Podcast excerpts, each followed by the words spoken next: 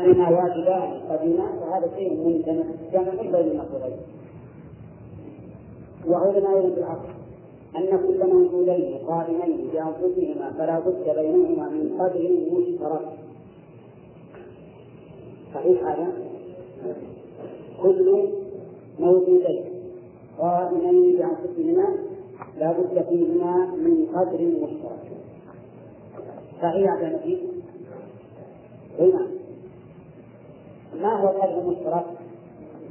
كاتفاقهما في مسمى الوجود والقيام بالنفس ها؟ أما أليس موجودين؟ إذا اشترك في الوجود لكن هل يلزم من اشتراكهما في الوجود تزاوجنا فيه؟ لا قد يكون هذا موجودا واجب الوجود والثاني موجودا جائز الوجود الوجود طيب اشترك أيضا في جانب النفس أليس كذلك؟ كل منهما قائم بنفسه. لكن بينهما فرق. أحدهما قائم بنفسه استقلالا والثاني قائم بنفسه بإقامة غيره له. أليس كذلك؟ طيب. والجار في مسمى الوجود والقيام بالنفس والذات ونحو ذلك. ما الذات؟ يعني كل شيئين قائم بأنفسهما كل منهما ذات. كل منهما ذات نعم. فإذا لابد بضرورة العقل من تساوي كل شيئين موجودين في الأصل المشترك بينهما. وهو الوجود والقيام بالنفس والذات والاتصاف بالصفات وما أشبه ذلك.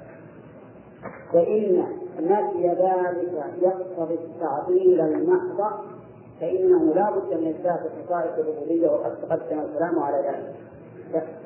فإن ذلك فإن يقتضي التعطيل المحض وأنه عندك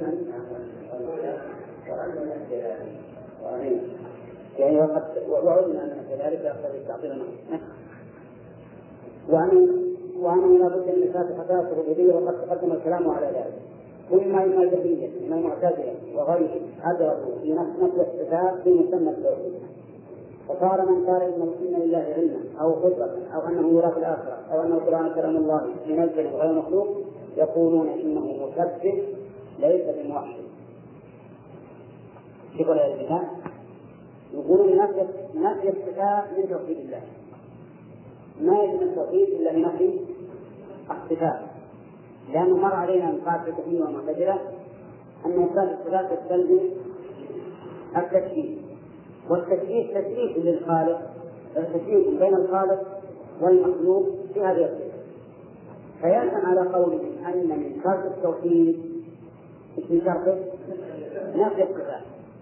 من شرط التوحيد نفي الصفات. ولذلك هم قالوا نحن على التوحيد. إحنا اللي وحدنا الله. وأنتم إذا قلتم إن لله علما معناها أثبتتم مع الله شيئا. وهو العلم إذا قلت لله قدره اثبتم مع الله شيئا وهو القدرة. وهذا ليس بتوحيد ولذلك يقول كذلك إذا قالوا إن الله يرى في الآخرة فما التوحيد لأن الإنسان يرى. فقد جعلت لله تعالى شريكا بالرؤيه وهكذا. وقد تقدم من هذا أمر ليس بصحيح وأنه لا يجوز. إلى آخره. الرحيم الحمد لله رب العالمين والصلاة والسلام على نبينا محمد وعلى آله وأصحابه أجمعين.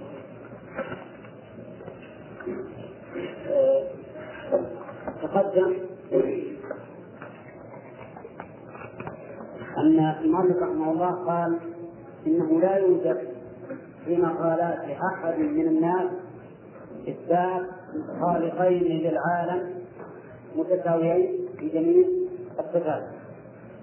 وسبق أنه يقول إن النصارى من المتكلمين وغيرهم يرون أن التوحيد هو. أولا أن الله تعالى واحد في ذاته. معنى لا قسم له بمعنى أنه لا وواحد في صفاته لا شريك له. وواحد في أفعاله لا شريك له. ويرون أن هذا هو غاية التوحيد.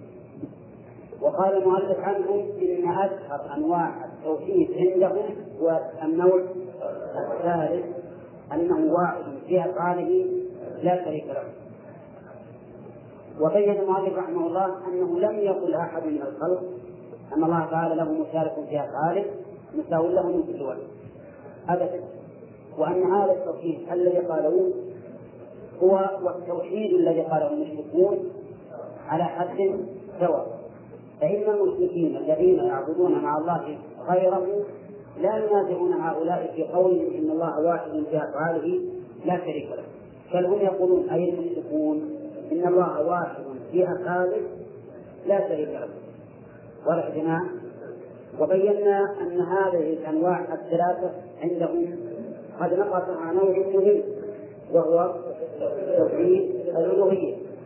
فإنهم لم يقولوا وواحد في ألوهيته لا شريك له. ما قالوا وإنما معنى الإله عندهم هو القادر. إيش عليه؟ الإله عندهم هو القادر على الاحترام فيجعلون إله بمعنى آله والحقيقة أن إله بمعنى مألوف وليس بمعنى آله. أي معبود. أي معبود كما سيذكر المؤلف فيما بعد. ثم ذكر المؤلف رحمه الله بعد هذا أن هذا التوحيد بجميع أنواعه فيه نقص. فسيأتي أن قولهم واحد في ذاته لا قدم له أنهم يريدون بذلك نفي الصفات الخبرية. لأن الله ليس له يد ولا وجه ولا عين ولا رزق نعم؟ وما أشبه ذلك. يقول لو قال لو كان له هكذا لكان له قسيم وكان يتجزأ ويتقسم من أقسام مؤدة فجعلوا هذا التوحيد وش يتضمن؟ يتضمن إنكار الصفات التي وصف الله به فيها نفسه كذلك واحد بصفاته لا شبيه له. هذا أيضا قاصر. لأن كلمة لا شبيه له المعتزلة ينكرون الصفات ويقولون هذا توحيد. لا يكون هذا توحيد. لأننا لو أثبتنا الصفات لشبهنا الله بخلقه. والله تعالى واحد في صفاته لا شبيه له. فتبين أيضا أن هذا التوحيد مجمل فيه حق وباطل لأنهم إن أرادوا لا تشبيه مطلق المشابهة فهذا ليس بصحيح ما من موجودين كما قال المؤلف أنت إلا وبينهما افتراق في في مطلق الصفة في مطلق الصفة كالوجود والذات والقيام بالنفس وما أشبه ذلك. فهمتم ولا لا؟ لو أرادوا لا سبيل له المشابهة المطلقة. هذا أيضا خطأ لأن ما من أحد يقول إن الله تعالى له شبيه مشابهة مطلقة. فتبين أيضا أن هذا التعريف للتوحيد ناقص.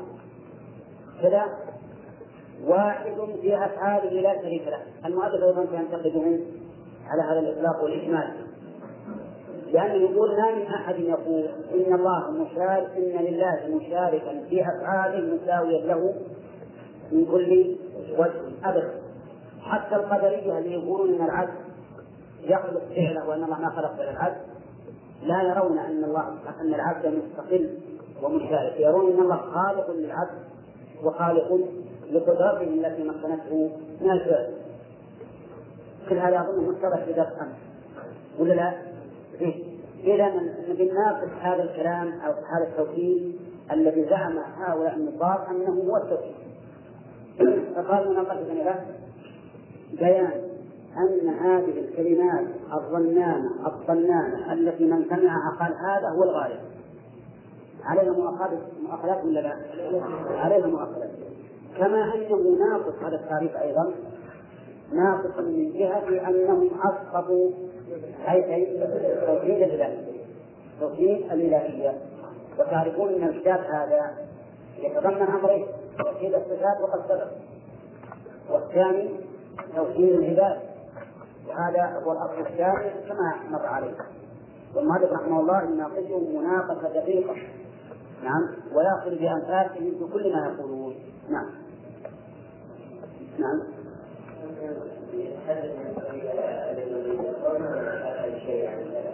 لا يجيبه انتظر كل الكلام الآن المقبل علينا كله في تقدير ابطال هذا هذا هذا التمييز ثم الإتيان بالتوحيد اقرأ عن نفسك بسم الله الرحمن الرحيم قال رحمه الله تعالى.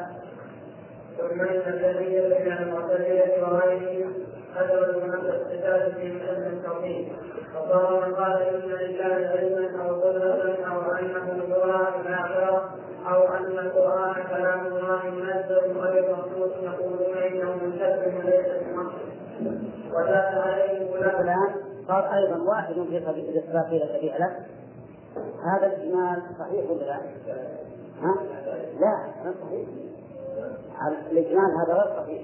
يحتاج إلى تفصيل إلى تفصيل ولذلك الجهمية يقولون إن نفي الصفات توحيد. نفي الصفات توحيد. إذا أثبت لله الصفات فأنت مشبه غير موحد. فأنت مشبه غير موحد. نعم. ودل عليه ولاة الفلاسفة والقرامطة بما والأسماء والحسنى وقالوا من قال إن الله عليم قدير حميد حكيم فهو مستقبل ليس بالمقصد نعم. ودل عليه ولاة الولاة وقالوا لا يوصف بالنفي ولا بالإثبات لأن في كل منهما تسليما له وهؤلاء كلهم بقروا من التسليم بما هو شر مما منه فإنهم كفروا بالممتنعات والمنزلات والجمادات فرارا من تسليم من تسليم بزعم له بالأحياء نعم. ومعلوم أن هذا حتى الأشاعرة الذين أنكروا بعض الصفات يقولون إن نفي الصفات التي نفيناها ما هو؟ توحيد ثم الذين أنكروا الصفات وعكسوا الأسماء مثل الجميع والمعتزله يقولون إن نفي الصفات واثبات الأسماء. توحيد ثم إن الذين أنكروا حتى الأسماء مثل غلاة الفلاسفه الفلاسفة والكرامة وشبههم يقولون إن نفينا للأسماء والصفات توحيد ثم غلاة الغلاة الذين أنكروا وصفه بالإثبات وبالنفي يقولون إن هذا هو التوحيد لأن إثبات ذلك تشبيه والتشبيه ينافي التوحيد لأنه واحد في صفاته لا شبيه له. فتبين الآن أن حتى التعريف الثاني الطريق الثاني قوله واحد في صفاته لا شبيه له أنه على إكماله فيه حق وباطل. فيه حق وباطل. وهذا المناقشة للمؤلف قوية جدا. وهكذا يجب علينا أن لا نغتر بظاهر اللفظ لأننا إذا قرأنا أقسام التوحيد عند هؤلاء النظار وش نظن؟ نظن هذه غاية التوحيد وهذه القمة لكن عندما نناقش ونعرف ما يريد هؤلاء نعم نعرف المقصود. نعم فالحاصل أنه يجب علينا أن نعرف كيف نبطل هذا التعريف للتوحيد عند هؤلاء النقاط. واضح يا جماعة؟ طيب. تمام. ومعلوم ان هذه الصفات الثابته الثابته لله تثبت له على حد. على حد ما يثبت المخلوق الاصلع سبحانه على وتعالى حد ما يحدث إيه. نعم نعم. قال سبحانه وتعالى ليس كمثله شيء لا في ذاته ولا في صفاته ولا في أفعاله فلا فرق بين إثبات الذات وإثبات الصفات فإذا لم يكن في إثبات الذات إثبات معتاد بالزواج لم يكن في إثبات الصفات إثبات له في ذلك فصار هؤلاء الزكية المعصية يسألون هذا توحيدا ويجعلون مقابل ذلك تشبيها أنا عندنا مقابل ذلك التشبيه ويدعون مقابل ذلك التشبيه ويسمونه التشبيه لا. والصحيح أن التشبيه عند الرقاب من أحسن من الذي في المسلم يعني يجعلون مقابل ذلك التشبيه ها؟ وهي تشبيها يجعلون مقابل ذلك تشبيها نعم. أي لا على سواء يكون طيب ويكون تشبيها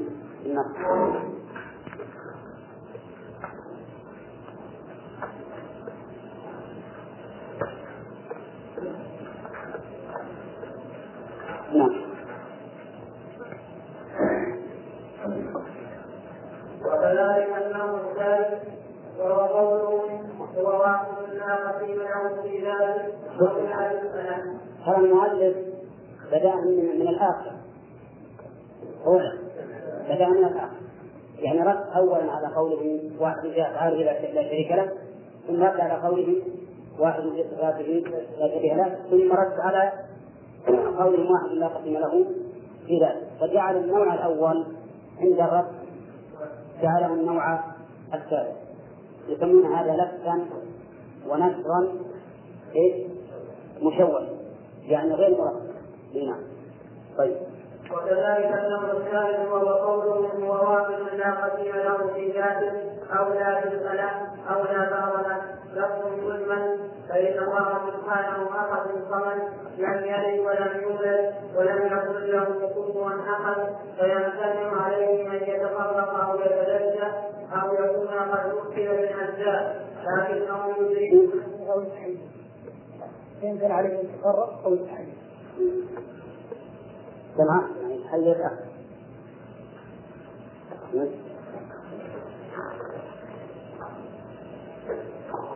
لأنه يكون يكون قد ركب النجدة هذا يتفرق أو يتحيز نعم. لا أو يكون أو أو يكون قد ركب النجدة. اي حتى يتحيز بدل أو يتحيز. يمكن عليه أن يتفرق أو يتحيز أو يكون قد ركب النجدة نعم. لكنهم يريدون في هذا التفسير أن يعلوا به ومباينته لخلقه وامتيازه عنه إيه لا هذا يقول الحديث ممنوع فلا يمكن يصير فوق العالم ولا ولا ولا ينحاز عن المخلوقات ما أشبه ذلك. نعم. ونحو ذلك من المعاني المستلزمة لنفسه وتعقيده ويفعلون ذلك من التوحيد.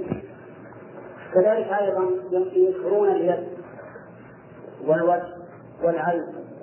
بحجة أن هذه أبدأ حجة أن هذه أبدأ وأن التوحيد هو أن توحد الله في ذاته فتقول لا قسيم له. ويجعلون هذا من التقسيم يجعلون هذا من التقسيم. فصاروا في الحقيقة يريدون بهذه الكلمات المجملة يريدون بها؟ معنى باطلا بمعنى باطلا ويجب هنا أن نلاحظ أنهم يحسون السنة الذكر يقولون مثلا وهذه من الدرس لكن على سبيل التمثيل سبحان من تنزه عن الفحشاء سبحان من تنزه عن الفحشاء وشو ما الكلمة دي؟ لا زين ولا لا؟ ها؟ سبحان من تنزه عن الفحشاء الله يقول إن الله لا يأمر بالفحشاء إن الله لا يأمر بالفحشاء فأنت عندما تقول الكلمة تقول هذه طيبة لكن هم يريدون بقولهم سبحانه من تنزه عن الفحشاء أن أفعال العباد ليست مخلوقة لله. لأن أفعال العباد تتضمن الفحشاء كذا يقولون سبحانه من تنزه عن الأبعاض والأعراض وال- والأغراض. بالغيب هذه كلمات مجملة زينة ظاهرة لكن يريدون في من تنزه عن الأبعاض يعني أنه ليس له وجه ولا يد ولا عين. والأعراض يعني ما يغضب ولا يحب ولا يرضى ولا يكره لأن هذه أعراض صفات عربية. والأغراض يعني الحكمة إن مو حكيم فتجدون من هذه الكلمات اللي يسمعها يقول هذه طيبة إحنا عندما قرأنا عن التوحيد في أقسامه قلنا ما فيه إلا نقص توحيد الألوهية. تبين الآن من كل نقص ولا لا؟ تبين من مناقشة المؤلف رحمه الله. لا لأنه يعلم خباياه. تبين أنه كله نقص لأنهم يريدون بهذا اللفظ المجمل معاني باطلة. نعم. طيب. و- ولاحظوا يا جماعة لاحظوا ما يترتب أو ما يعارض به كل واحد من هذه الأقسام الثلاثة. لأن هذا مهم جدا. يعني الأسئلة أو الاعتراض الذي يمكن أن يورد على كل قسم من هذه الأقسام. أنتم فاهمين الحين؟ فهمتم ما يورد على قولهم في أفعال لا شريك له. وما يورد على قولهم في صفاته لا شبيه له. وأن منهم من جعل إنكار الصفات من التوحيد. وما يرد على قوله واحد بداخل لا قسم له. فيجب السماع أن تنتبهوا لهذا الأمر نعم. وقد تبين ان ما يذكرونه توحيدا فيهما هو حق وفيهما هو باطل ولو كان بينه حقا ولو كان بينه حقا فإن المشركين إذا اقروا يعني لو قدر أنهم أرادوا في ظاهره معناه الحقيقي أنهم ما يريدون هذا كما سبق لكن لو قلنا أنهم أرادوا المعنى الحقيقي المتبادر من هذا اللفظ هو حق فإن المشركين إذا أقروا بهذه الأشياء هل يكونوا موحدين؟ وش عليهم؟ توحيد الألوهية أي نعم. فإن المشركين إذا أخذوا بذلك كله ينقضوا من الشرك من الشرك الذي وصفهم به في القرآن وما لهم عليه الرسول ما في الشرك الذي؟ وصفهم الله. وصفهم الله. نعم. نعم وصفهم الله به. نعم. لم يخرجوا من الشرك الذي وصفهم الله به في القرآن وقاتلهم عليه الرسول صلى الله عليه وسلم بل لا بد أن يعتقدوا أنه لا إله إلا الله. لابد أن تؤمنوا بأنه لا إله إلا الله. لا بد أن؟ أن تؤمنوا بأنه لا إله إلا الله. لا يعترف أحد. طيب يا جماعة الآن فهمنا أن هذا التعريف للتوحيد الذي زعمه المتكلمون غاية التوحيد. عليه مناقشات قل أولا من جهة دستوره حيث أسقط توحيد الألوهية. وعلى هذا فلا إقرار إطلاقا. ثانيا من جهة إجماله إجماله حيث إن هذا الكلام اللي قالوه يدخل فيه أشياء هم أنكروها والله تعالى أثبتها مفهوم؟ فهذه المناقشة يعني إذا قيل تناقش هذه العبارة من جميع الوجوه تناقشها أولا من حيث معناها اللي فيه حق وباطل تناقشها أيضا من حيث أصولها حيث سقط منها توحيد الألوهية. يعني حتى لو قلت إن هذه الكلمات الثلاث حقا أنها ليست حق فإنه قد سقط منها توحيد الألوهية التي قاتل الرسول عليه الصلاة والسلام المسلمين عليه. نعم. وليس المراد بالإله هو القادر على الاختراع كما ظنه من ظنه من أئمة المتكلمين حيث ظن أن الإله أن ان الالهيه هي القدره على الاختراع دون غيره وان من اقر بأن الله هو القادر على الاختراع دون غيره فقد شهد أن لا إله إلا الله أن لا إله إلا هو. فقد شهد ان لا اله الا هو فان المشركين إلا. نعم.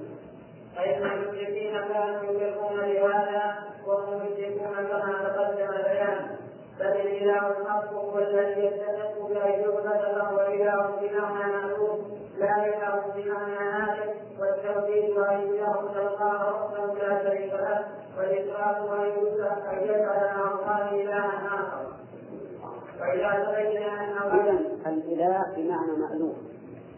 بمعنى مألوف أي معبود أو مستحق العبادة حتى لو قلت لا معبود غير صحيح في الواقع.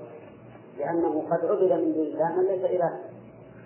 فإذا نقول لا مستحق ولهذا المؤلف يقول المؤلف المؤلف رحمه يقول بل الإله الحق هو الذي يستحق أن يعبد. الإله الحق هو الذي يستحق أن يعبد. أما هذه الآلهة فليست حقا. ليست آلهة حقا. لماذا؟ لأنها لا تستحق أن تعبد أي نعم. وإذا تبين ها؟ نعم. آله اسم فاعل وإذا قلنا الإله القادر على الاختراع صار معنى الإله أي الآله القادر. أي نعم. نعم. وإذا تبين أن غاية ما يقدره هؤلاء الكفار أهل الإنسان للقدر للقدر أن يكذبون إلى السنة إنما هو توحيد الربوبية وأن الله هو كل شيء. ومع ذلك فالمشركون كانوا مستقيم بذلك. ومع هذا فالمشركون كانوا مستقيم بذلك مع أنهم مشركون إذا ليس ما يقرر هؤلاء ليس هو التوحيد.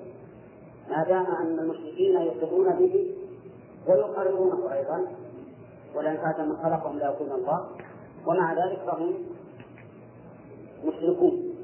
فدل هذا على أن ما ذكره هؤلاء ليس بتوحيد عند الله. نعم.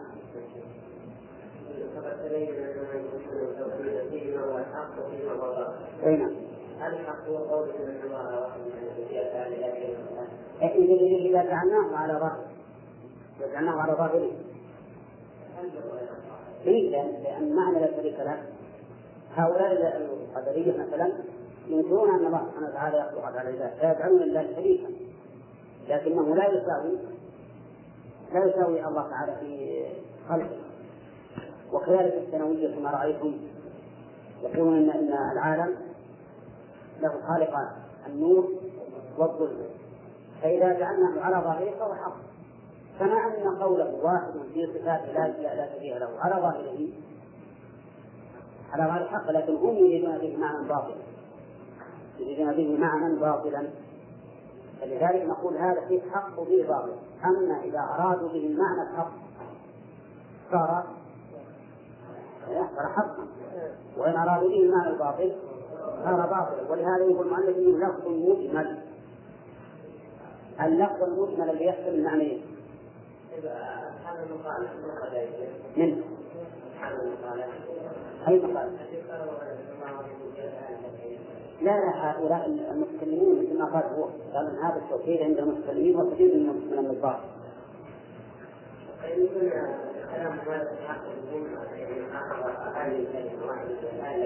يمكن يريد التوحيد اتفق عليه الامه وهذا التوحيد ما اتفق عليه لأن في مثلا من الشيء ويخرج الشيء نعم يعني الفقه ورد على قولهما انه يا طالب لا شريك له أول ما رد عليه المؤلف يجب أن نرجع إلى هذا ونناقش هذه العبارة. قال ما في أحد من الخلق يقولون إن مع الله خالقا مساويا نعم. وكذلك طوائف من التصوف والمستشرين إلى المعرفة إلى المعرفة والتحسين والتوحيد. قالت ما عندهم من التوحيد هو الشهود هو شهود هذا التوحيد. وأن يشهد أن الله أن الله رب كل شيء. ومليكه وخالقه لا سيما إذا غاب العارف بموجوده عن وجوده وبمشهوره عن شهوده وبمعروفه عن معرفته ودخل في بيان توحيد الربوبية بحيث يمنع من لم يكن ويبقى من لم يزل. فهذا لأنه الغاية التي لا غاية وراءها وكذلك من هذا العارف يطلقونه على الصوفية شيوخ الصوفية يسمونهم العارفون. يقول هو اللي عرف الله. هؤلاء عندهم فناء في التوحيد في توحيد الربوبية. بمعنى كما قال المؤلف انه يشهد أن الله رب كل شيء ومليكه وخالقه لكنه يغيب بموجود عن وجوده وبمشهوده عن شهوده وبمعروفه عن معرفته. وش معنى يغيب هذه الأشياء؟ يعني عندما يفكر هو بزعمه يفكر في الله سبحانه وتعالى يغيب حتى عن نفسه ينسى نفسه. فيقول إنه يغيب بموجود عن وجود موجود ما هو؟ الله. عن وجود عن كل الوجود ينسى كل شيء حتى نفسه. ينسى كل شيء حتى نفسه. نعم. ان هذه حالة قد تجد للانسان مع قوة العبادة والرغبة والمحبة لكنها قاصره في الحقيقة. لأنه إذا غاب بموجود عن وجوده صار كانه آلة لا لا, تعمل بنية. كأنه آلة لا تعمل بنية ويغيب حتى عن عبادته. ما يدري ما لا يقع في عبادته. لأنه مثل ما لو قلنا أن الإنسان إذا لاقاه صديق له يحبه حبا شديدا. لاقاه لأول مرة. تجد أنه وش يكون حاله؟ يندعي وينسى كل شيء. كأن لا شيء أمامه سوى هذا الإنسان حتى إنه ربما يتصرف من شدة الفرح تصرفا غير لائق غير لائق لأنه انتهت مر راح ذهنه وفكره وقلبه بهذا الشيء الوارد على قلبه. هؤلاء يغيبون بمعبودهم عن عبادته. حتى عن العبادة ما في يصلي الآن ويركع ويسجد ويقوم ويقعد ويسبح ويقرأ. يغيب عن هذا لأنه ما ما قلبه الآن مشاهد إلا المعبود. فيغيب عن نفسه وعن فعله. هذه يقول هذه غاية الكمال والصواب أنها ليست غاية الكمال بل هذه النقص الرسول عليه الصلاة والسلام لا شك أنه أكمل العابدين وأول العابدين. هل غاب بمعبود عن عبادته؟ ها؟ أبدا كان يسمع بكاء الصبي وهو في الصلاة فيوجد مخافة عند الشر الأمي أليس كذلك؟ وكان عليه الصلاة والسلام يرى أصحابه من ورائه ويراهم إذا تأخروا في الصفوف وكان صلى الله عليه وسلم أيضا يدخل الحسن وهو ساجد حتى يقضي نعمته من ركوبه على ظهره فهل غاب الرسول عليه الصلاة والسلام بمعبود عن عبادته؟ قولوا لا وهل هؤلاء أكمل من الرسول؟ لا. ليسوا أكمل من الرسول عليه الصلاة والسلام. بلا شك. فالحاصل ان هؤلاء يجعلون غاية المعرفة والتحقيق أن يصل المرء إلى هذه الغاية. نقول لا. غاية الغاية أن يكون الإنسان ملتزما قائما بهذا وبهذا. يعبد الله حقا لكنه لا يغيب بمعبوده عن عبادته. ولا بموجوده عن وجوده ولا بمعروفه عن معرفته. ينسى المعروف الله سبحانه وتعالى. يغيب بالمعروف عن معرفته حتى كأنه لا يعلم شيئا. ولا ولا كأن شيئا أمامه من الدنيا. كل هذه الحقيقة وإن كانوا يعرفونها كمالا فهي في الواقع نقص بلا شك. نعم. نعم. لا. أبدا. هذه بدعة. بدعة وأيضا ربما تؤدي إلى الوحدة وحدة الوجود. إذا أنت وجودي معناه يجعل الله هو ونفسه هو الله. لا هذه منكر عظيم جدا. أولا لأنه لم يرد الشرع ولله الأسماء الحسنى فادعوا بها وهل هل من أسماء الله موجود؟ ها؟ ليس من أسماء الله الموجود يصح أن تخبر بأن الله موجود لكن ما يلزم أن الله موجود. لأن الموجود اسم مطلق يشمل الناقص والكامل والخبيث والطيب وما كان منقسما لا يمكن أن يقال في اطلاقه على الله عز وجل. انت فاهم؟ لكن هذه من العبارات المبتدعة. من العبارات المبتدعة التي يجب النهي عنها وانكارها. نعم. ومعلوم أن هذا وتحقيق ما اختص به المسلمون من التوحيد فلا يصح القول بمجرد هذا التوحيد يقول كذلك أيضا ودخل في ثناء توحيد الربوبيه حيث يفنى من لم يكن ما هو الذي من لم يكن؟ كل شيء إلا الله يفنى من لم يكن كل الكائنات لم تكن من قبل ولا لا؟ ويبقى من لم يزل من هو؟ الله لم يزل ولا يزال موجود المعنى إنه يغيب عن كل شيء إلا عن الله ولا شك أن هذه حاله خاطره وأنها لا تكون بها لا دنيا ولا دين. حتى الدين لا يكون بها قولا عن الدنيا. الدنيا لا يمكن ان يكون منها الحادث وكذلك أيضا الدين لا يكون بها.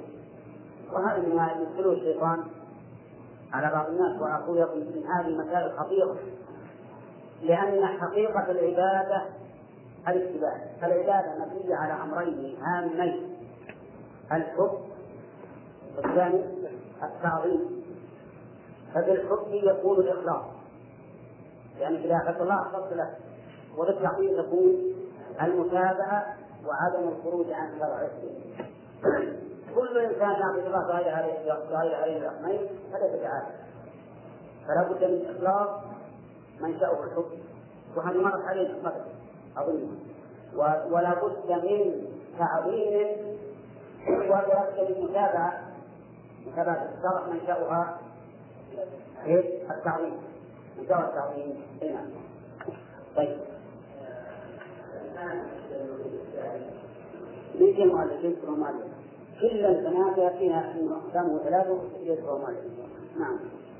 ومعلوم ان هذا هو تحقيق ما خطر التوحيد ولا يصير الرجل الرجل بمجرد هذا التوحيد مسلما فضلا عن ان يكون وليا لله أو مكاتب الاولياء وطائفة من أهل التصرف والمعرفة.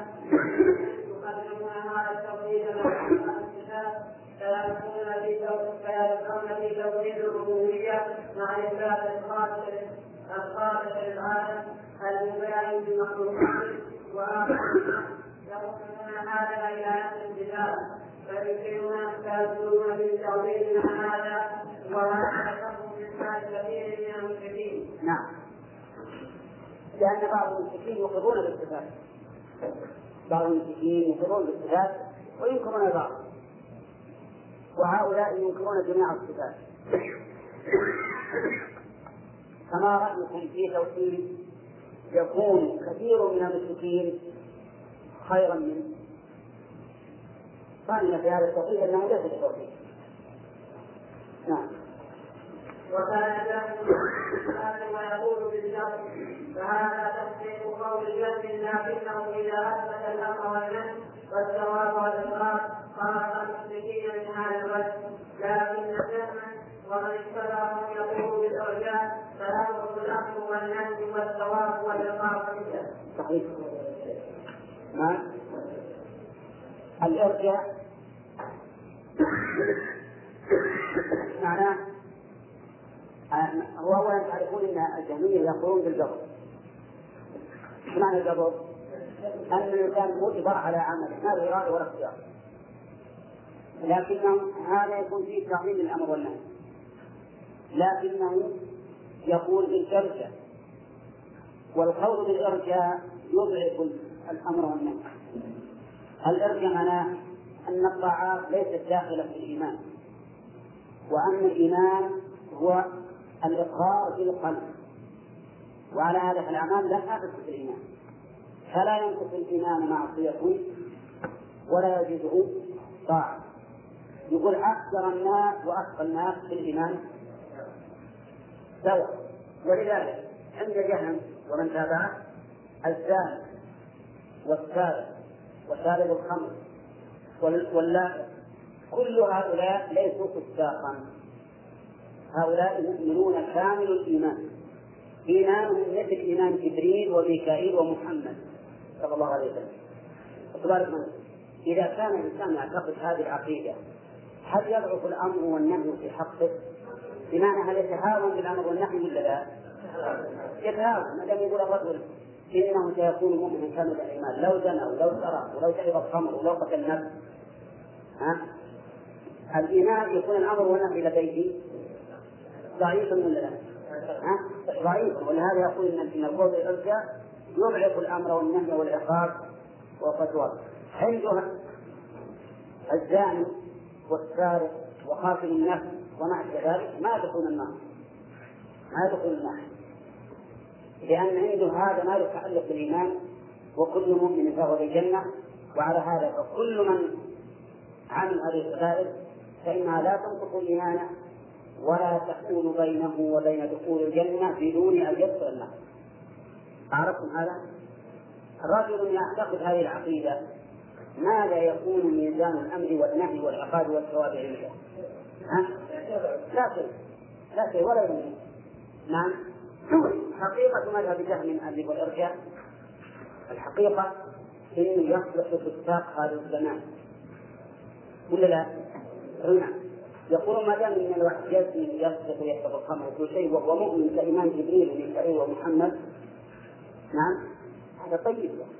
خلونا نبني ونسلك مثلا لا تاكد إحنا نبي والحمد لله. ونرفع الرايات على أننا مؤمنون كإيمان محمد وجبريل وميكائيل ولا ولا شك هذا قول من أفضل الأقوال. طيب. يقول إن الجهميه فيهم ثلاث ثلاث ايمان تعالى الله من الإيمان الجهم والجبر والإرجاء الجهم والجبر والإرجاء نعم. وبيع الجماع الثلاث. نعم. المرجئة لا غلاة المرجئة هم الجميع. في مرجئة آخرون كما سيذكرهم المؤلف إن شاء الله قريبا فيهم مرجئة آخرون أقل منهم. أقل من وجه وأرجى من وجه آخر. نعم. والمشارية المضطرانية وغيرهم يقربون لجهل في مسائل القدر والإيمان. مع مقارنة لهم أيضا في نفس الصفات والكلابية والأشعرية خير من هؤلاء الإمام الصفات فإنهم يثبتون لله الصفات العقلية وأئمتهم. لا العقلية. العقلية. نعم. وأئمتهم يثبتون الصفات الخبرية في الجملة كما كما فصلت أقوالهم كما فصل الأقوال في غير هذا الموضع واما صفات الخلق ومسائل الاسماء والاحكام فاقوالهم متقاربه والكلابيه اتباع ابي محمد عبد الله بن سعيد بن كلاب الذي سلك الحديث من القدر واصحاب إذا صاروا الكلابية متقدمين على نعم؟ هم أتباع الرجل هذا أبي عبد الله بن سعيد أبي محمد بن سعيد نعم. واصحاب لكلاب كالحارث المحاسن والعباس الخلائق ونحوهما خير من في هذا وهذا. فكلما كان الرجل إلى السلف والأئمة الاقرب كان قوله اعلى وافضل والخبريه قول بالايمان قول منكر لم يكن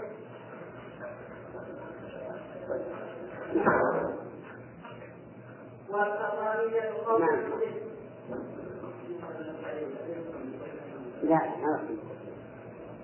ما في التكفير ما علينا إحنا الآن ما نتكلم بالتكفير والتكفير نتكلم شو بالمقالات هذه المقالة خاطئة وهذه المقالة خاطئة لأن مسألة التكفير مسألتها دقيقة جدا ولا ما نعم.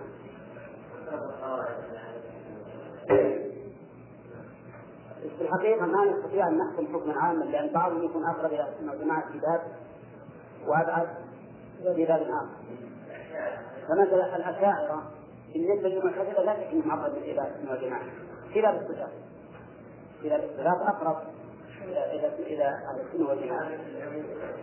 لا ما أن نقول عنهم ما لك يعني قد يكونوا مخالفين كثيرا في في القدر مثلا في الغرفة فلا يمكن أن تفضل بعض على بعض على سبيل الإطلاق نقول في الصفات لا شك أن أقربهم الأشعرية بل الماتريدية أقرب منهم لأنهم يزيدون على الأشعرية بعض الصفات التي ينكرها الأشاعرة.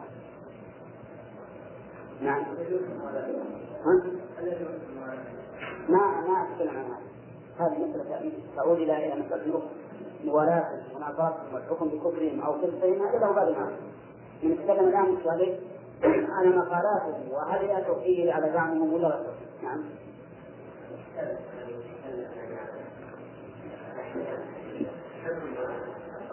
هذا يتكلم عليها الشيخ الإسلام بالتجاوز يمكن يتكلم عليها يتكلم عليها قيما لكن هذا مو في مقام واحد نعم.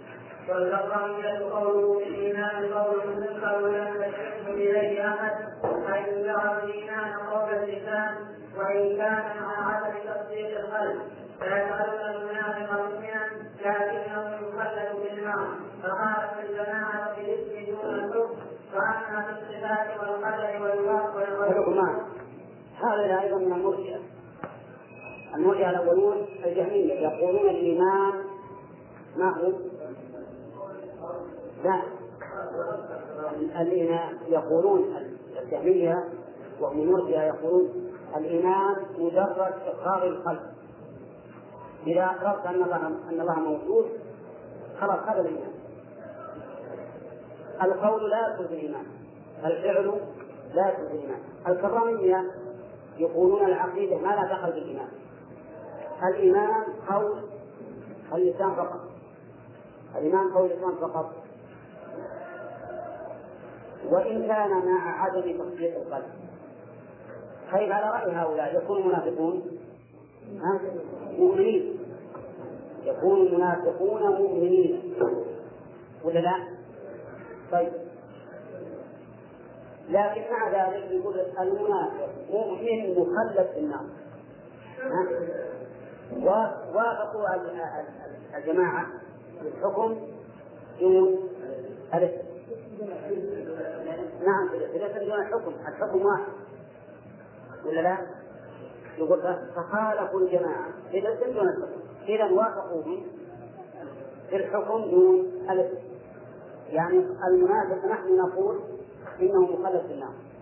وهم يقولون إنه مخلد في النار. لكن إحنا نقول منافق ليس بمؤمن. وهم يقولون مؤمن. مؤمنين فصار عندنا الآن طائفة المرجئة الذين يجعلون الإيمان مجرد مجرد الاعتقاد في القلب. الثاني الكرامية يقولون الإيمان ما هو؟ قول اللسان أهل السنة والجماعة يقولون الإيمان إقرار القلب وقول اللسان وعمل الأركان. كلها من الإيمان. اللهم ها؟ أتباع عبد الله بن سراء في هذا كتاب الثاني يقاتل من الأول. نحل فدون هذه القواعد. إن شاء الله. نعم. من شاء من من أئمة من أئمة يضل الواحد. ولهذا دل في العالم في الأئمة يضل العالم.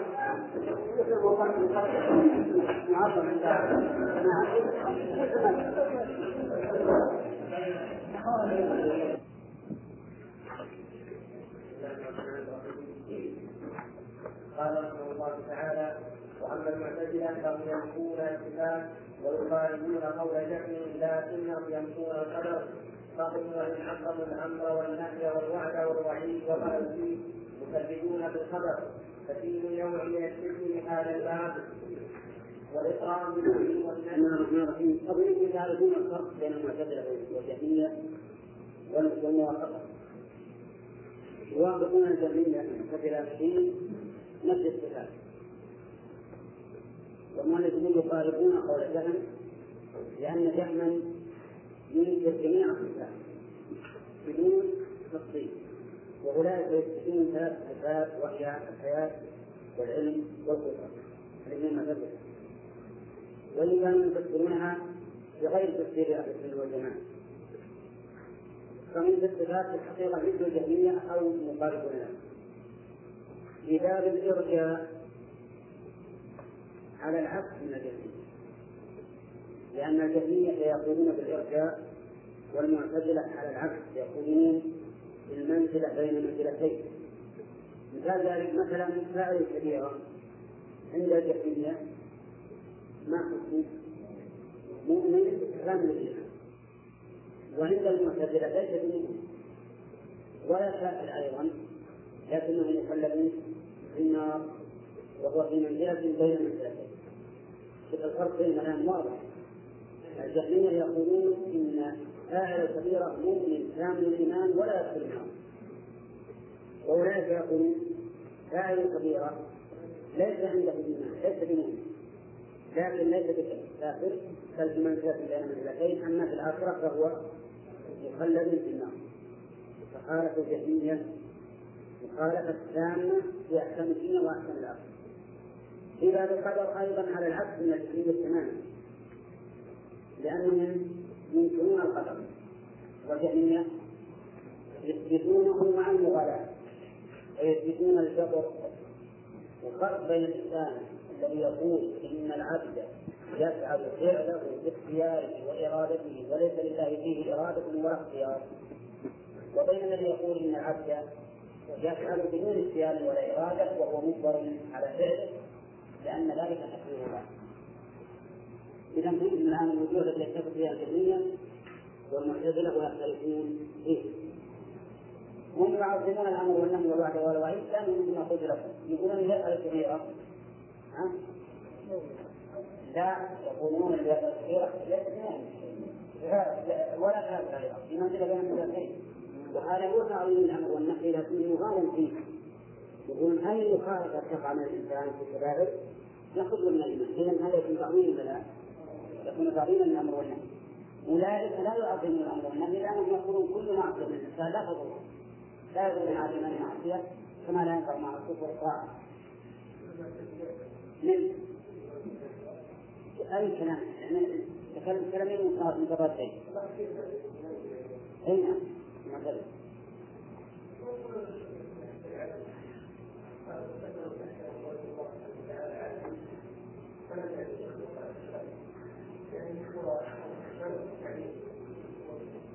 هذا هذا هذا كلام يقول من انه قد فعل لأنه لو قدر افعاله وعاقبت عليها صار ظلما نعم والاقرار بالعمل والنفس والوعد والوعيد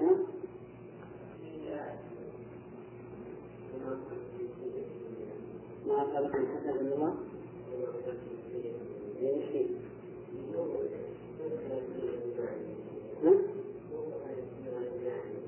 وحفظه ما أصابكم من مصيبة فبما كسبت أيديكم هذا معنى ما أصابكم من سيئة فمن نفسه يعني أنت سببها هذا معنى فسر الآية وما أصابكم من مصيبة فبما كسبت أيديكم ويعفو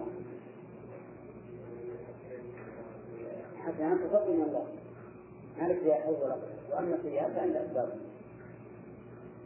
نعم. فإنكار القدر خير من الإقرار بالقدر فإنكار الأمر والنهي والوعد والوعيد وهم يكذبون بالقدر. فهم يكذبون بالقدر. يكذبون بالقدر ففيه نوع من الشرك من هذا الباب. والإقرار بالأمر والنهي والوعد والوعيد مع إنكار القدر خير من الإقرار بالقدر مع إنكار الأمر والنهي والوعد والوعيد. وهذا واضح من الخير لأن الأول يتضمن أن أمر الله ونهيه يكون عبثا. يعني الثاني الذي الذي يعظم القضاء والقدر وينكر الأمر آه الأمر والنهي والوعيد. يصير أمر الله ونهيه. من سبيل العبث ليس في فائدة. ما دام أنت تأمره ثم تجبر أن لا يفعل وتنهاه وتجبره أن يفعل وش يكون هذا؟ هذا من باب العبث. هذا ما نقول إنه عبث قد نقول إنه ظلم. أيضا لكن الذي يعظم الأمر والنهي ويقول إن الإنسان له اختيار وإرادة وإذا فعل المنهيات وترك المأمورات فهو يعاقب عليه. هذا خير من الذي يقول إنه لا يعاقب فانه إذا عوقب فهو مظلوم. هنا. نعم. ولهذا لم يكن في زمن الصحابة والتابعين من ينفي الأمر والنهي والوعد والوعيد. ولكن نبغ فيهم القدرية كما نبغ فيهم الخوارج والحرورية. لا وكان. والوعد والوعيد وكان قد نبغ ممكن يشدد والوعد والوعيد. ولكن نبغ فيهم طيب نعم.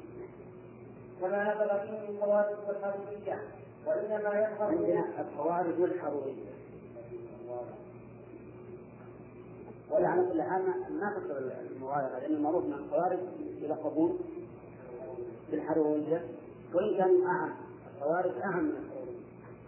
لأن يعني كل من خرج كل من خرج عن الإمام وأما الحرورية فهي خاصة بطائفة معينة منهم وهم الذين خرجوا على علي بن أبي طالب نعم. نعم. نعم. لم يكن في زمن الصحابة من ينفي الأمر وكان قد نظر أطلب على النفس يقول لم يكن يعني أنه ما كان في زمن الصحابة من ينفي الأمر والنهي كما تقول اليقين لكن فيه القدري.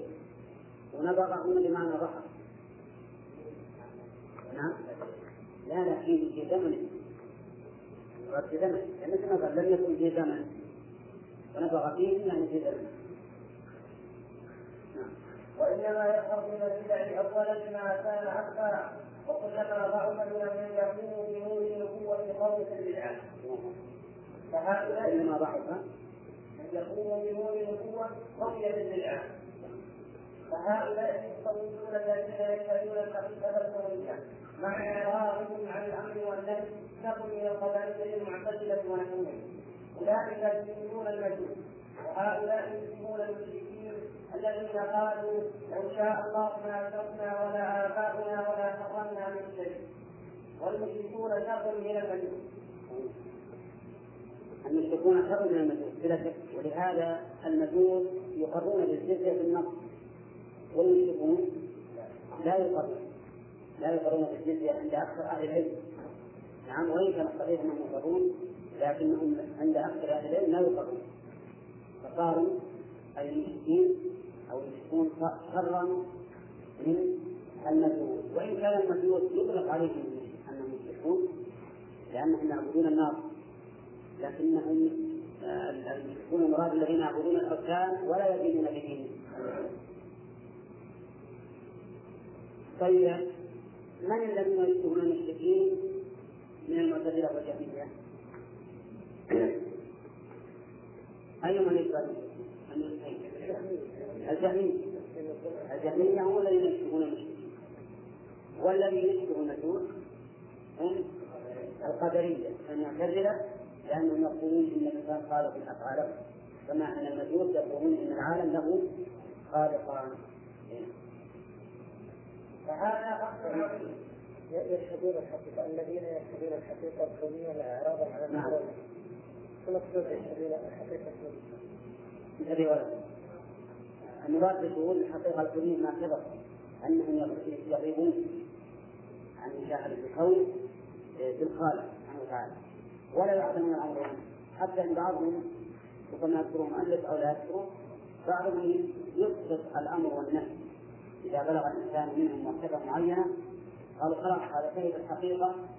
فلا يؤمر ولا حتى فسروا قول الله تعالى واعبد ربك حتى يأتيك اليقين. أنت اليهود أنت الآن اللي بدأت هذا المفسر حتى قالوا في قوله تعالى واعبد ربك حتى يأتيك اليقين. إن المراد باليقين مشاهدة الربوبية مقام الربوبية أي أنك تعبد الله إلى أن تصل إلى هذه الدرجة. فإذا وصلت سقطت عنك العبادة. ولا شك هذا تحقيق للقرآن وأن المراد حتى يأتيك حتى يأتيك الموت. لأن الموت يتيقن به الإنسان ما وعد ويشاهد أمور الآخرة. الحاصل أن هؤلاء المتصوفة الذين يشهدون الحقيقة الكونية يقضون عن الشرع والعفو والقدر. يغيبون بمسؤولهم عن شهادتهم وبمعبودهم عن عبادتهم وبمعبودهم عن وجودهم كما سبق. نعم. فهذا أصل عظيم. على المسلم أن يعرفه فإن أصل فإنه أصل الإسلام الذي يتميز به أهل الإيمان من أهل الكفر وهو الإيمان بالوحدانية والرسالة شهادة أن لا إله إلا الله وأن محمدا رسول الله وقد وقع كثير من الناس في الإشكال في حقيقة هذين الأصلين أو أحدهما مع ظنه أنه في غاية التحديد والتوحيد والعلم والمعرفة. مع ظنه أنه ضميره على نفس هذا يظن أنه في غاية التحقيق والتوحيد وكمال العلم والمعرفة ومع ذلك فهو جاهل. كما مر قليلا في تعريف إيه؟ في تعريف التوحيد عند هؤلاء المتكلمين الذين يزعمون أنهم هم أهل التوحيد وقد عرفتم ما يدخل في مسمى التوحيد عندهم من الضلالات والكفر. نعم. نعم. فإقرار المرء بأن الله رب كل شيء ومليكه وخالقه لا ينجيه من عذاب الله. نقصد عندك يعني عندك المرء هذا صحيح المرء إقرار المرء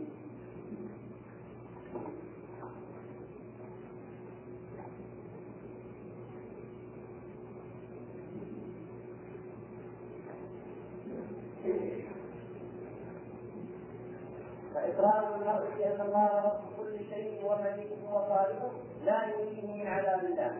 إلا يحتاج به إقراره بأنه لا إله إلا الله فلا يستحق عبادة أحد إلا هو وأن محمدا رسول الله فيجب تصديقه فيما أخبر وطاعته فيما أمر فلا بد من الكلام في هذين الأصلين. الأصل الأول توحيد الإلهية. طيب على رأي المتكلمين إذا أقر الإنسان بأن الله خالقه وخالقه ومليكه وأنه متصل بالصفات التي لا شريك له فيها على زعمهم ويفسرون على ولاحهم بحسب ما يرون. وأنه واحد لا قسم له بذاته على رأي يكون يكون موحدا نافيا من عذاب الله. وهذا ليس بصحيح. أن يشركون يقرون بأكثر مما أقر به هؤلاء. يقرون بالله وبخلقه وبعموم مشيئته وقدرته. نعم. وهؤلاء لم يكونوا موحدين بل قاتلهم الرسول عليه الصلاة والسلام. نعم.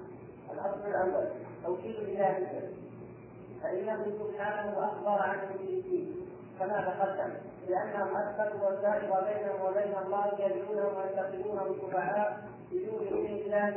قال الله تعالى ويعبدون من دون الله ما لا يضرهم ولا ينفعهم ويقولون هؤلاء شفعاؤنا عند الله. قل تنبئون الله بما لا يعلم السماوات ولا في الأرض. سبحانه وتعالى عما يشركون. وقال عن مؤمن ياسين فأخبر عن هؤلاء الذين كفروا هؤلاء الإسلام يشركون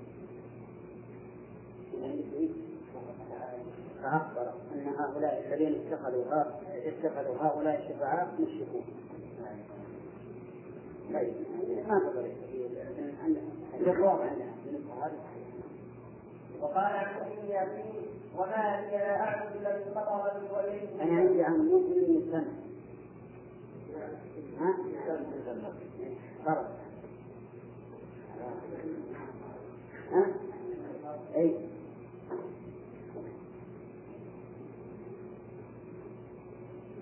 ولو قال الله ياسين حسب النص كان نقول لا بأس. كون يقصد الحروف من حكم.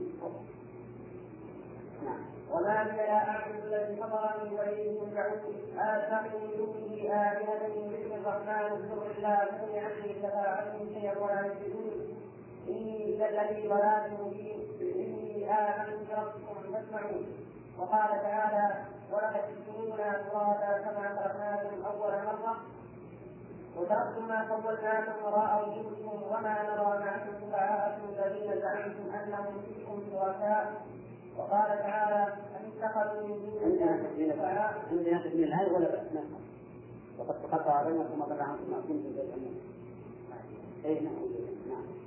وقال تعالى ان اتخذوا من دون الله شفعاء فأخبر سبحانه عن شفاعهم أنهم زعموا أنهم فيهم شركاء أن قل أولو كانوا لا يجدون شيئا ولا يعقلون قل لله الشفاعة جميعا ملك السماوات والأرض ثم إليه ترجعون.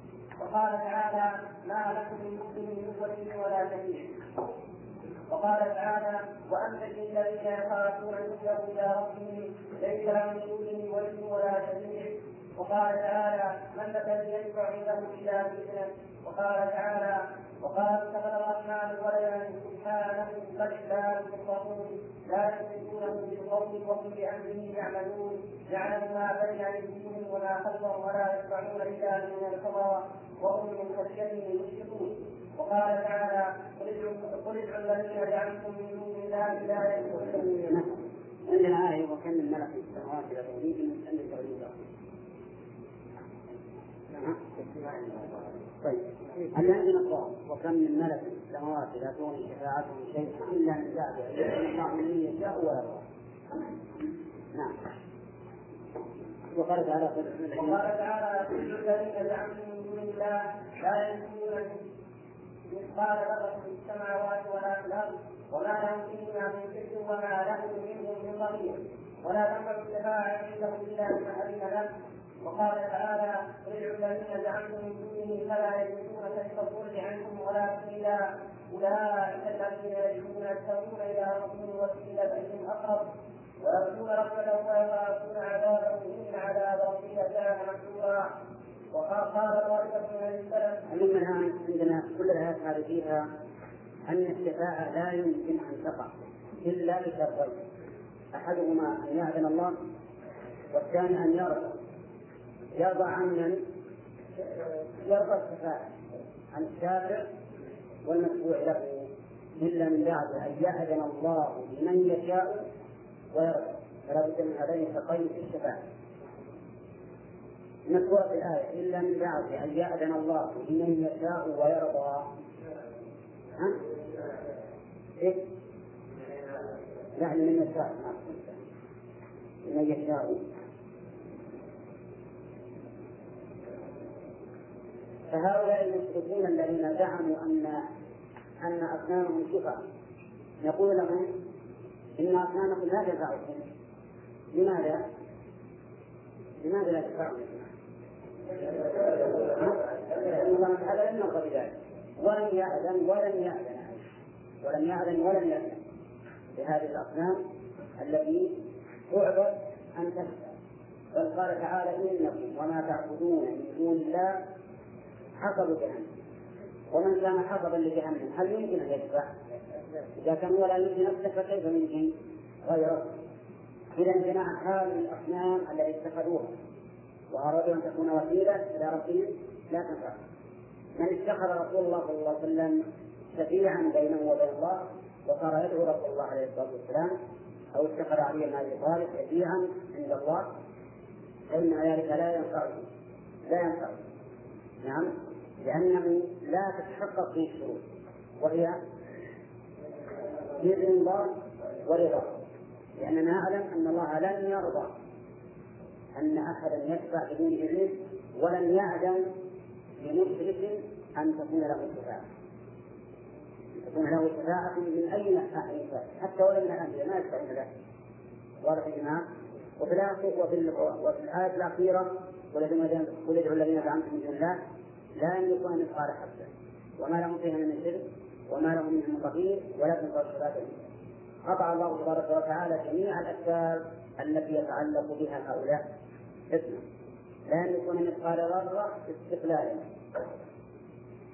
وما لهم فيه من شرك شركة يعني ولا ولا ولا مشاركة مع الله في ملكه فلا يملكون شيئا استقلالا.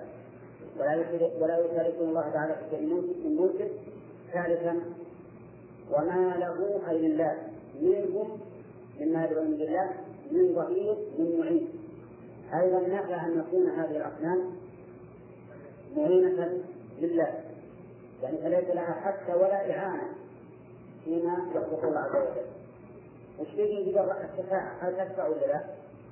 ولا تنفع الشفاعة عنده إلا لمن أذن له وهؤلاء لم يؤذن لهم لم يؤذن فنفى الله تبارك وتعالى جميع علق المشركين الذين يتعلقوا بهذه الأصنام.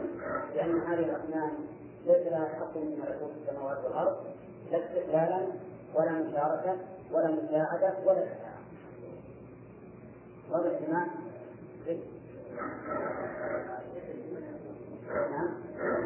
للشافعي ها والرضا للجميع للشافعي ومسلم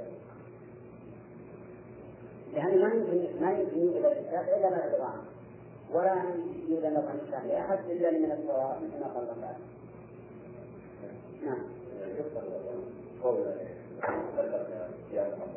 هذا نعم نعم. إذا ظن أو اعتقد أن الرسول عليه الصلاة والسلام يستجيب له دعاء لأنه كفر. الرسول صلى الله عليه وسلم ما يملك لنفسه شيئا. قل لا أملك لنفسي ضرا ولا نفعا ولا ضرا. ضرا ولا نفعا ولا ضرا إلا ما شاء الله. ما هو من بحثنا؟ هذا من بحثنا معروف لأن النبي ما يجوز نعم.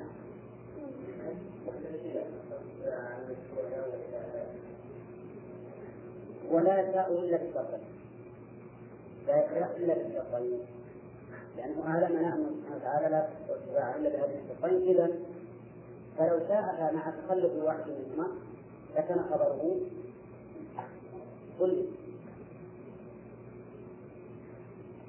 أخبر لا يشفع إلا بالشرطين لو أنه شاءها مع تخلف واحد منهما صار خبره شغل جنان صار كذبا. صار كذبا. ولا يمكن أن يكون خبر الله كذبا. فمشيئة الله للشفاعة ما تكون إلا إذا وجد الشفاعة واضح علي؟ قال طائفة من السلف كان قوم يدعون الحج والمسيح والملائكة. فأنزل الله هذه الآية يبين فيها أن الملائكة والأنبياء يتقربون إلى الله ويرجون رحمته ويخافون عذابه. أولئك الذين يدعون وانتظر أولئك يبتغون إلى ربهم الوسيلة، يعني هم أنفسهم يبون الوسيلة إلى الله، فكيف تتخذون أنتم وسائل ووسائل. تعبدون. إذا كان هم يرجون رحمة الله ويخافون عذابه ويطلبون الوسيلة كيف أنتم تتقون الوسائل؟ هذا نعم. نقصد هذه الآية كل الذي زعمتم أي. فحسب الملائكة والأنبياء لا آخر الآية. أولئك الذين يدعون ينفعون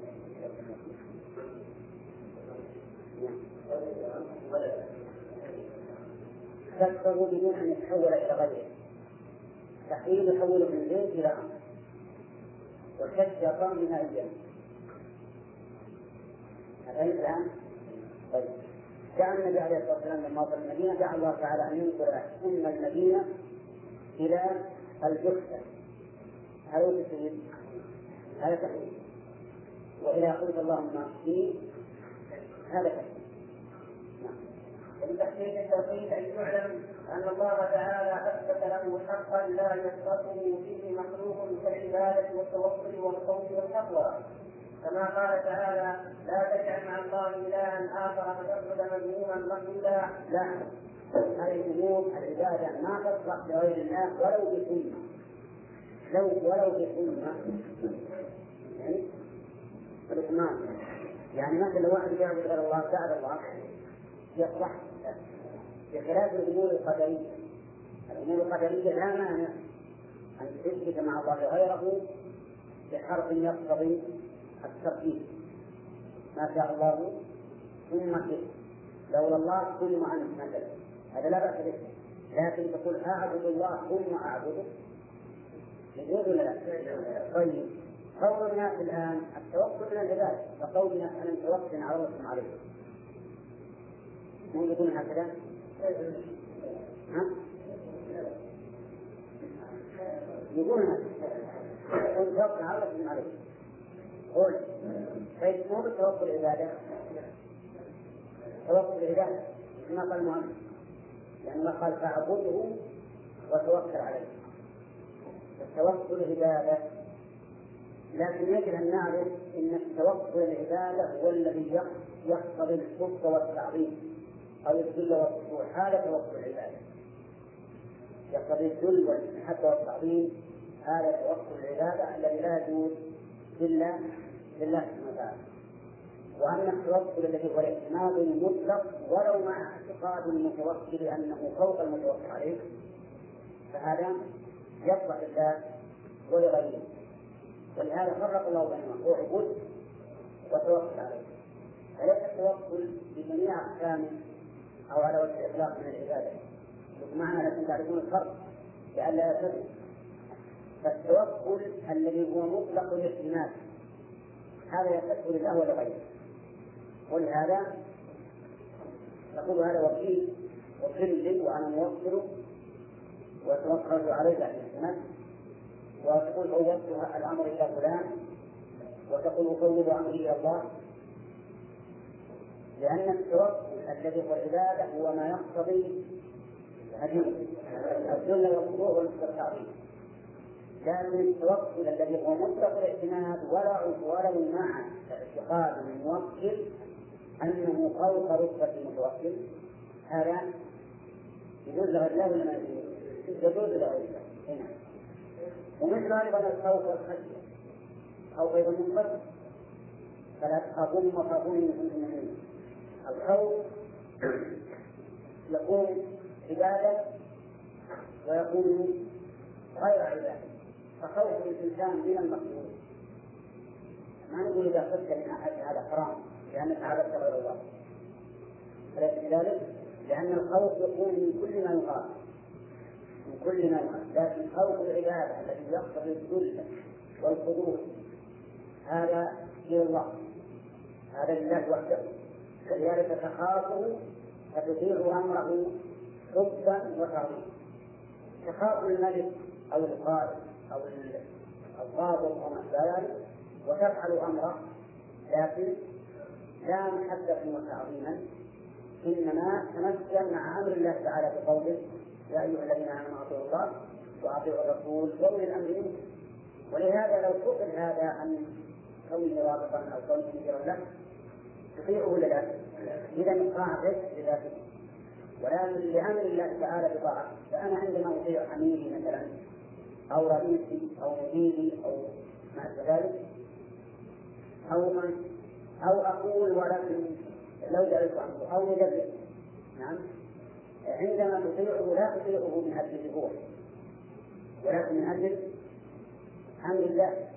أطيعوا الله وأطيعوا الرسول وأولي الأمر فتبين هنا أن طاعته إنما هي طاعة لله سبحانه وتعالى. والخوف منه ليس تقربا إليه. لا ولكن الخوف منه. شوف هذا الماء نخليه يلا حضره من ورفع قم يكفي فهذه هذه هذه الفروق يجب أن نعرفها. حتى لا يلتبس علينا الأمر. ونظن كل شيء منها يكون عبادة فلا يكون نعم. نعم. أي نعم. الخشية تكون من قوة نفسه وعظمته والخوف يكون من ضعف الخائف. والخائف ضعيف لو لكنه قوي لكنه ضعيف. فالخشية أعلى وأقوى. ها؟ لا حتى بغير الله. حتى قال أقوى منه خشيته معنى خشية نعم. لأنه يقول فلا تخشوا الناس واخشوا نعم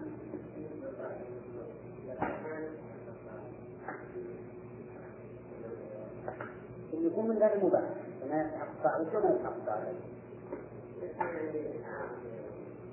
وهو لأمر لك ولي الأمر العاصي طاعة تجب طاعة ما لم يكن كافرا. كفر عندنا كفرا صريحا عندنا فيه من القرآن ما نشرك وأما إذا كان يشرب الخمر ويزني ويتلوث ويقتل النفس بغير حق نعم فإنه يوجد طاعته. حتى لو ضرب قال يلا أعطى الناس أعطى الناس اللي يلبسون وقام يضرب ضرب. يجب عليه أن تطيع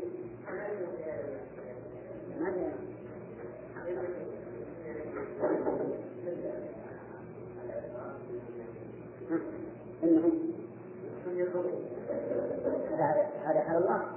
هذا ما تستدعي تنادلهم لانك اذا نادلتهم حصل رد فعل منهم عليك وعلى غيرك. هذه واحدة أو الثمر لأن مجابهتهم ما تزيد الأمر إلا فيه وكم لأفسد الأمة الإسلامية إلا الخروج على دين والعصيان الرسول قال اسمع وأطع وإن ضرب ظهرك وأخذ معي هذا لفظ الحديث صحيح. وما ضر الأمة إلا العصيان والتنمر يجب عليه هذا يتمرد وهذا يتمرد ثم يزداد مولاة شدة عليه بسبب ظلمه وكذلك نولي بعض الظالمين بعضا بما كانوا لكن لو أنهم استقبلوا بالامر فربما هؤلاء يقتلون هم الولاة المسلطون يقتلون وينفذون أو ربما ياتيهم الناصح باسلوب هادئ باسلوب هادئ ويحكي نعم. جماعة. وقال تعالى إنا أنزلنا إليك الكتاب بالحق الله مصدقا للدين وقال تعالى كيف غير الله تأمرون بالعهد والوالدون. إلى قوله السابقين وكل واحد من الرسل قال لقومه اعبدوا الله ما بهذا دليل على أن كل من أمر بالشرك فهو جاهل ولو كان عالما كل من أمر بالشرك فهو جاهل ولو كان عالما مفهوم؟ وكل من أسقط أيضا فهو سفيه ولو كان عاقلا ومن يرغب عن ملة إبراهيم إلا من سفه نفسه ألا إنهم هم السفهاء. فالذين مثلا يدعون أو يصفون يصفون الغرب وغير الغرب ممن أعطوا علم الكون يصفونهم بالعلم. ولم حصل حصل شيء غير هذا العلم هذا العلم. وتجد يثنى على هؤلاء بالعلم أكثر مما يثني على علماء الشريعة بالعلم. هذا في الحقيقة يدل على جهله لأن العلم بطبائع الكون هو كعلم البهائم لأن هذا العلف ملائم لها فتأكله وغير ملائم فلا وهو علم يدرك أي إنسان يضع باله لهذا الشيء يدركه. لكن علم الشريعة الذي لا يتلقى من الوحي إلا من الوحي هذا ما يدركه إلا من من وفقه الله عز وجل. عندهم الاستثناء فهؤلاء الذين يعظمون هذا العلم إنما يعظمونه لجاهلين وفي الحقيقة هو لا يحتاج إلى تعظيم لأنه كما ذكرت إنما هو علم بشيء محسوس يشترك في علمه حتى البهائم أليس كذلك؟ البهيمة ما تعرف إلا قسمتها على حين. تعرف اللي يكون صالح واللي يكون اسمه صالح. بل أحيانا بعض البهائم تأكل من هذا إذا صار ما أصبح العارف اللحم مختلف تأكل من هذا لقمة ومن هذا لقمة لتخلط هذا بهذا أو تأكل من هذا ما تظن أنه لا يضرها ثم تأكل من الثاني ما تظن أنه ينفعها الحاكم هذه ما ينبغي أن يكون محط المدح والعلم بما في الكون أو علم طبيعة الكون. هذا ليس بعلم حقيقة هو علم إن استعان به الإنسان على معرفة الخالق والاطلاع على حكمته فهذا يكون خيرا لكن لا خيرا ذاتيا. ولكنه خير إيه؟ خير لغيره خير لغيره. وأما إذا كان إنما ينتفع به لمجرد الدنيا فهذا لا ينفع. هذا لا ينفع إلا في الدنيا وما لا ينفع إلا في الدنيا فكأنه ليس بشيء. ثم هذه المعلومات أيضا كما قلت لكم لو أن أي واحد من الناس عنده تجربة يستطيع أن يدركها يستطيع أن يدركها وهم في الحقيقة ما سبقوا بموهبة وعدهم الله تعالى على وجه يمتحن عليه. إنما هي موهبة صالحة لكل إنسان يستطيع أن يعمل هذه الأعمال نعم.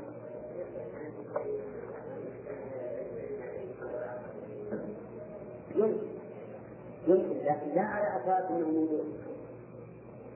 لأن مشكلة العقل العقل العقل المعيش الآن أصبح يقال للناس الذين إذا قيل لا تسجد الأرض قالوا إننا نحن مستقيمون. يقول خلي عندك عقل معيش دائما الكتاب والكتاب ويسمع المقاومة.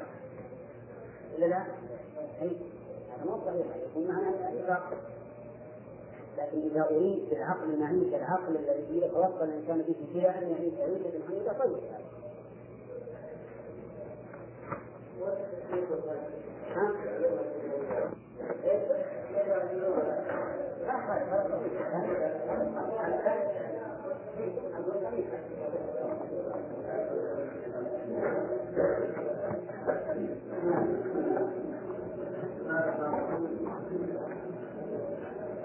قال الله تعالى وقال تعالى وعلى الله يتوكل من وعلى الله فليتوكل المسلمون وقال قل حسبي الله عليه يتوكل ربكم وقال تعالى ولو انهم يروا ما اتاهم الله ورسوله وقالوا حسبنا الله وسيؤتينا الله من فضله ورسوله أنا إلى الله راغبون فقال الانسان ما اتاهم الله ورسوله وقال بالتوكل وقالوا حسبنا الله ولم يكن ورسوله لأن الاتيان والاستغفار الصحيح وذلك يتضمن الكتاب والاسلام الذي بلغه الرسول فإن الحلال ما حله والحرام ما حرمه والدين ما شرعه قال تعالى وما آتاكم الرسول فخذوه وما نهاكم عنه فانتهوا. وأما الحق وأما الحق فهو الكافي والله وحده كافي عبده كما قال تعالى الذين كافي يقول كافي يحاربه يقول يقول عبدا أنا عندي كافي ماذا يعني؟ إذا كافي عبدا إذا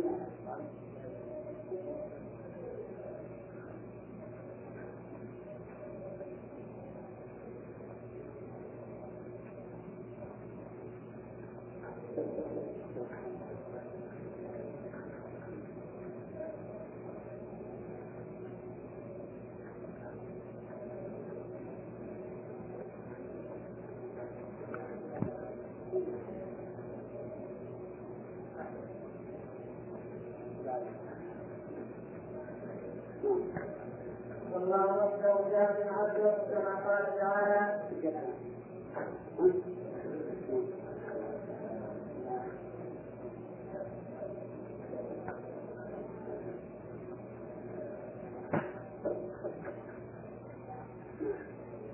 كما قال تعالى الذين قال لهم الناس إن الناس قد جمعوا لكم فاخشوهم فزادهم ايمانا وقالوا حسبنا الله ونعم الوكيل أو ربهم حسبهم حسبهم كلهم وقال تعالى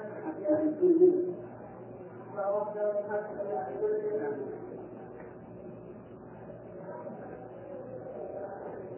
وقال تعالى يا ايها النبي حسبك الله ومن اتبعك من المؤمنين اي حسبك وحسب من اتبعك من المؤمنين هو الله فهو كافيكم فهو كافيكم كلكم وليس المراد ان الله والمؤمنين أن الله والمؤمنين حسبك كما يرد بعض الخالقين إذ هو وحده كاف عبدا وحده إذ هو وحده وحده دائما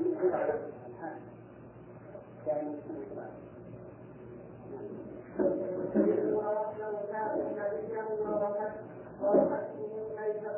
يكون هو وإياه حتى الرسول وهذا في اللغة كقول الشاعر حسبك والصفاء شيء مهند الدين كيف مهند حسبك والضحاك فحسبك والصفاء شيء مهند وتقول العرب حسبك وزيد الدرهم أي يكفيك وزيد جميع الدرهم وقالت الخوف والخشية والتقوى ومن يطع الله ورسوله ويخشى الله ويتقي فأولئك هم الفائزون فأثبت الطاعة لله والرسول وأثبت الخشية والتقوى لله وحده كما قال نوح عليه السلام إني لكم نذير مبين أن اعبدوا الله واتقوه واطيعوه فجعل ذلك والتقوى لله وحده وجعل الطاعة للرسول فإنه من يطع الرسول فقد أطاع الله. وقد قال تعالى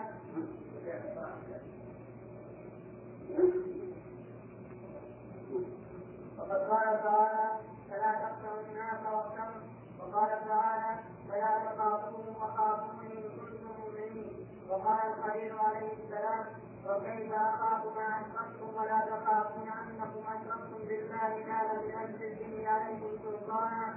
فأي الفريقين أحق بالأمن إن كنتم تعلمون. الذين آمنوا ولم يلبسوا إيمانهم بظلم أولئك لهم الأمن وهم مهتدون وفي الصحيحين عن ابن مسعود أنه قال لما نزلت هذه الآية شق ذلك على أصحاب رسول الله صلى الله عليه وسلم. وقالوا أينا لم يظلم نفسه وقالوا وأينا لم يظلم نفسه وقال النبي صلى الله عليه وسلم إنما هو الشرك اولا اولم تسمعوا إلى قول العبد الصالح إن الشرك لظلم عظيم. وقال تعالى ذلك فإياي فارهبون وإياي فاتقون ومن هذا الباب أن النبي الله عليه وسلم كان يقول في خطبته من يطع الله ورسوله فقد ومن يعصيهما فإنه لا يضر إلا نفسه ولن يضر الله شيئا وقال ولا تقولوا ما شاء الله وشاء محمد ولكن قولوا ما شاء الله ثم شاء محمد وبالصالح قال أمر أن يجعل ذلك من حرف سنة وذلك لأن طاعة الرسول طاعة لله فمن الرسول فقد أطاع الله وطاعة الله طاعة الرسول بخلاف المشيئة فليست مشيئة أحد من العباد مشيئة لله ولا مشيئة الله مستلزمة لمشيئة العباد بل ما شاء الله كان وإن لم الناس وما شاء الناس لم يكن. وإن لم يشاء الله إن لم يشاء الله الأصل الثاني طيب الآن هذا أصل يتحقق في أن العبادة ما تكون إلا لله وحده وهذا توحيد العبادة والأول توحيد الأسماء والصفات وتوحيد الأسماء والصفات هو من تمام توحيد الربوبية في الأصل وإن كان أهل العلم يقولون أن توحيد ثلاث أقسام توحيد الربوبية وتوحيد الأسماء والصفات وتوحيد الألوهية تجدون الآن في الآيات التي ساقها المؤلف. منها ما يجعله ما يجعله الله تعالى لنفسه خاصة ومنها ما يجعله لنفسه ولا ولا الطاعة والإتيان والشرع والعلم أشبه ذلك يكون لله ولا ولهذا نحن نقول الله ورسوله أعلم. ونحن نقول سيؤتينا الله من فضله ورسوله. ولو أنهم رضوا ما آتاهم الله ورسوله. وهذا إتيان شرعي لا إتيان قدري.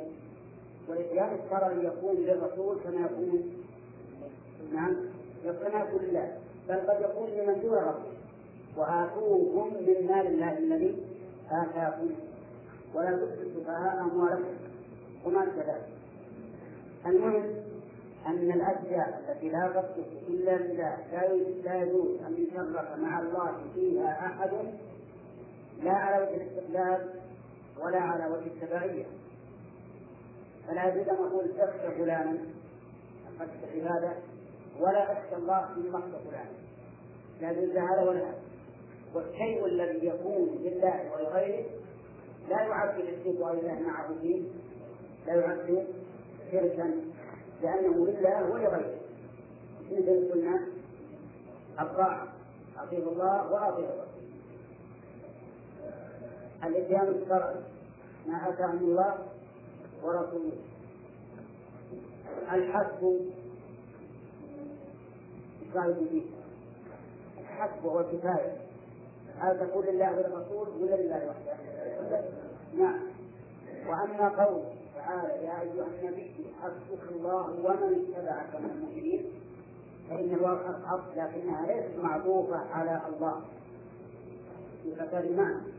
لأن المعنى يصير حسبك الله وحسبك من اتبعك من المؤمنين وليس كذلك. لأنه لا أن يكون أحد كافيا مع الله. بل الله وحده هو الكافي. ثم على أن تكون الكفاية تحصل بغير الله فإنه لا يمكن أن تشرف كفاية الله مع غيره بالوقت وطلب من السبعة المعنى فاسد على كل تفصيل. أعني المعنى الذي يصنعنا من عندما يقول إن المعنى